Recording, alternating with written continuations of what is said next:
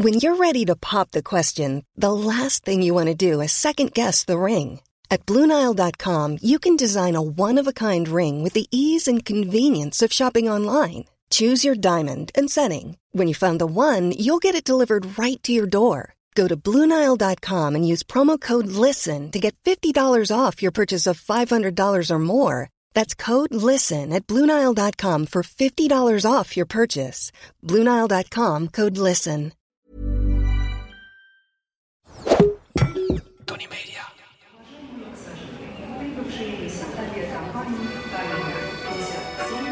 Welkom bij Rusland voor Gevorderden. In deze podcast neem ik jullie mee door Rusland en andere landen uit de voormalige Sovjet-Unie.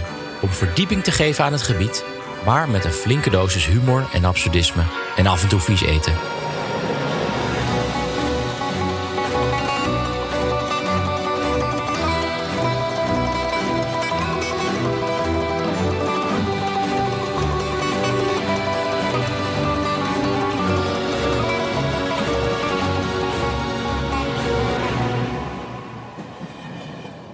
Hallo en welkom bij de zomerspecial van Voordat de bom valt. Deze zomer zal wat anders gaan dan je van me gewend bent. Natuurlijk is die oorlog niet afgelopen, verre van. Maar misschien is het een goed moment om een klein beetje afstand te nemen. Ehm, ik wil het hebben over een aantal reizen die ik heb gemaakt in Rusland en ook in de rest van de voormalige Sovjet-Unie. Waardoor je die landen ook beter leert kennen.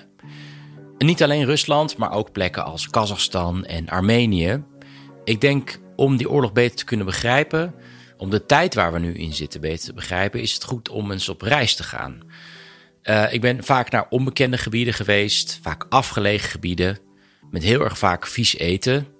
Uh, mijn cameraman met wie ik altijd reis in Rusland, uh, die zegt altijd: het geluid van de Russische keuken is het geluidje van dat je hoort als een magnetron klaar is. En dan komt je eten op tafel. En uh, ja, dat is volgens mij de grootste val van de meeste reisverhalen. Dat gaat over hoe mooi een plek is of hoe bijzonder. Maar een lezer of een luisteraar wil helemaal niet weten dat het mooi of bijzonder is. Die wil horen over afzien en kou en ongemakkelijke omstandigheden. En dat je belandt in een dorp waar je wordt gedwongen om schapenstaart te eten. Nou, dat zijn een beetje de verhalen die ik deze zomer wil vertellen. Want mijn god, wat heb ik een hoop ontberingen gehad. Soms denk ik wel eens dat er iets mis is met me waarom ik eigenlijk altijd aangetrokken ben tot dit soort plekken. Waarom ik het gelukkigst ben in een hotel met lakens in plaats van deuren. Of dat ik op reis ben in een busje in Kalmukje, bestuurd door een chauffeur met zelfmoordneigingen. En op de speakers in het busje hoor je keihard het nummer Du hast der schönsten Welt. En alle passagiers zingen keihard mee. Ja, waarom hou ik eigenlijk van dat soort momenten? Daar kan je allerhande psychologen op loslaten, maar ik denk dat na een paar maanden luisteren naar een podcast, tenminste dat hoop ik dat je al zo lang luistert, dat je er wel achter bent gekomen dat ik een voorliefde heb voor het absurde.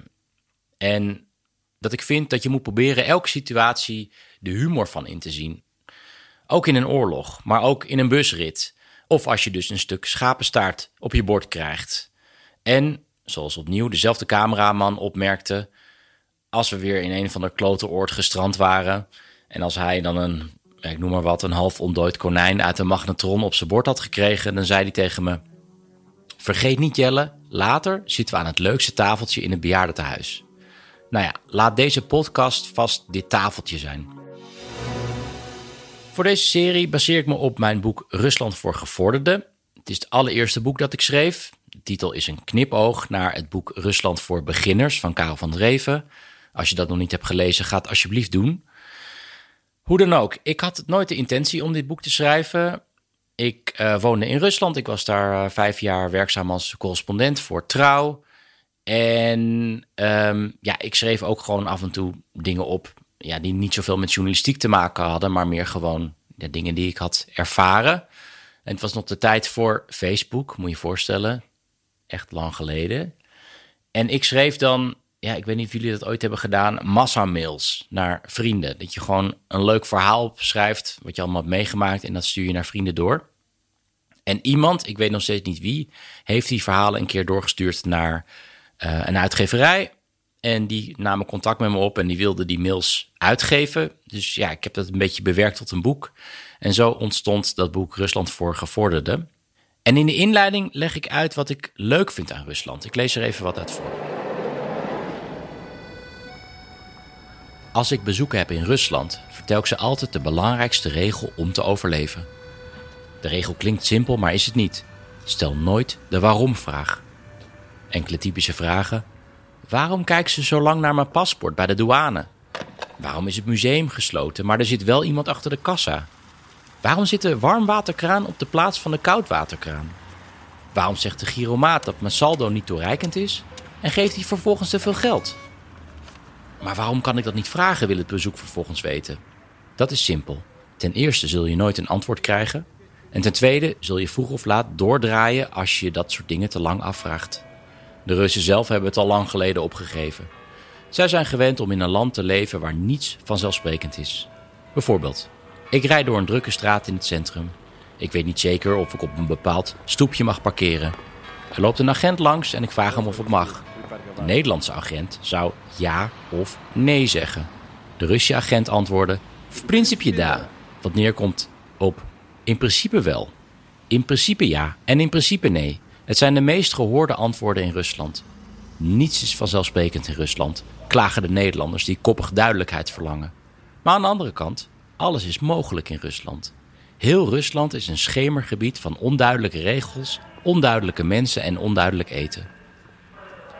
Eén waarom-vraag blijft meestal toch hardnekkig hangen tot het eind van de vakantie. Wat bezielde je in dit land te gaan wonen? Rusland heeft het imago een onherbergzaam en onwelkom land te zijn, vol met lelijke gebouwen en roestende fabrieken. Dat imago heeft wel degelijk wat te maken met de werkelijkheid. Maar het land mag er door al die lelijke gebouwen en roestende fabrieken eentonig uitzien. Dat is het absoluut niet. In de vijf jaar die ik in Rusland heb doorgebracht, waren sommige dagen moeilijk. Misschien zelfs wel de meeste dagen. Maar er is nog nooit een dag voorbij gegaan dat er niet iets geks, grappigs of absurds gebeurde. Rusland is een feest voor de verveelde geest. Dat zijn de verhalen die ik miste over Rusland. Boeken zijn volgeschreven over de ervaringen van Gulag-slachtoffers. Maar de man die mij een kamp liet zien aan de oevers van de Witte Zee had het liever over het Franse televisieprogramma Fort Boyard. Nog meer boeken zijn volgeschreven en zullen worden volgeschreven over het Rusland onder Poetin, dat terugkeert naar de Sovjet-Unie. Maar niemand schrijft over de man die wekelijks op het Kremlin komt om de hond van Poetin om te laten gaan met stress. Dit zijn de verhalen die in dit boek terecht zijn gekomen. En het is om deze verhalen dat ik nog steeds in Rusland woon en er voorlopig niet wegga. Waarom zou ik? Nou ja, ik ben uiteindelijk natuurlijk wel weggegaan. Ging uit met mijn Russische vriendin en ik had nieuwe plannen voor nieuwe landen. Ik heb een serie gemaakt in India en ook in Japan. Maar Rusland en alle andere landen van de voormalige Sovjet-Unie, die zullen altijd een bijzondere plek in mijn hart hebben. Ik vond het zelf ook heel leuk om het boek weer te herlezen. Ik heb echt het geheugen van een ameube, dus ik had heel veel oh ja momenten van oh dat is ook nog gebeurd.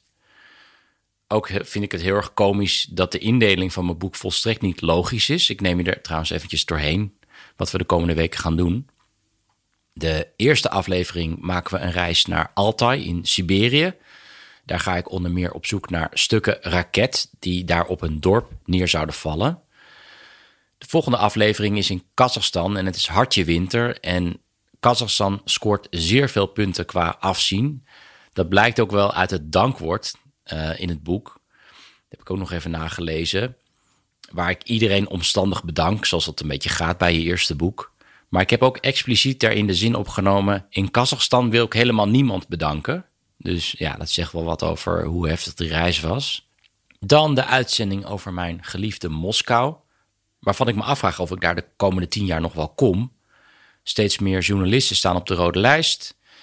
En ja, misschien ben ik ook wel aan de beurt. Helemaal vanwege de uitzending eh, van dag 41, waarvan ik weet dat het heel gevoelig ligt bij het Kremlin. Aan de andere kant wel misschien een beetje megalomaan om te denken dat ze bij het Kremlin mijn podcast luisteren.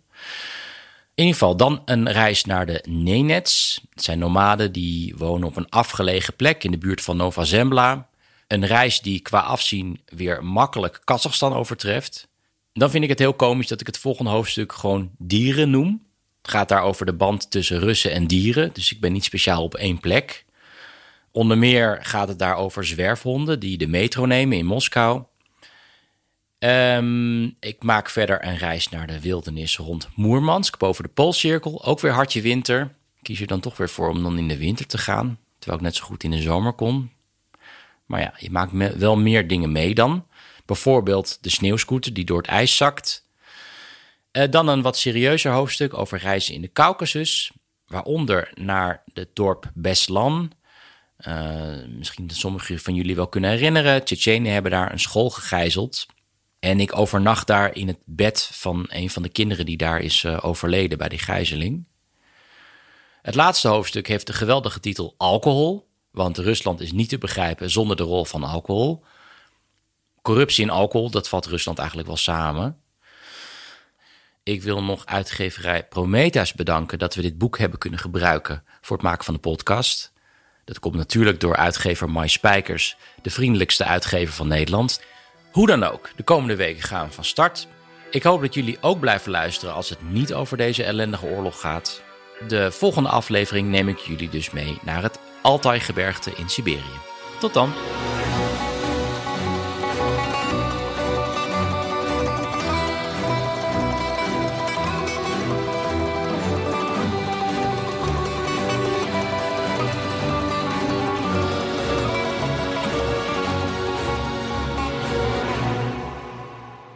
Dit was een productie van Tony Media en Dagblad Trouw. Voor meer verdieping ga naar trouw.nl. Hi, this is Craig Robinson from Ways to Win, and support for this podcast comes from Invesco QQQ. the official ETF of the NCAA. Invesco QQQ is proud to sponsor this episode and even prouder to provide access to innovation for the last 25 years. Basketball has had innovations over the years too. We're seeing the game played in new ways every day. Learn more at Invesco.com slash QQQ. Let's rethink possibility. Invesco Distributors, Inc.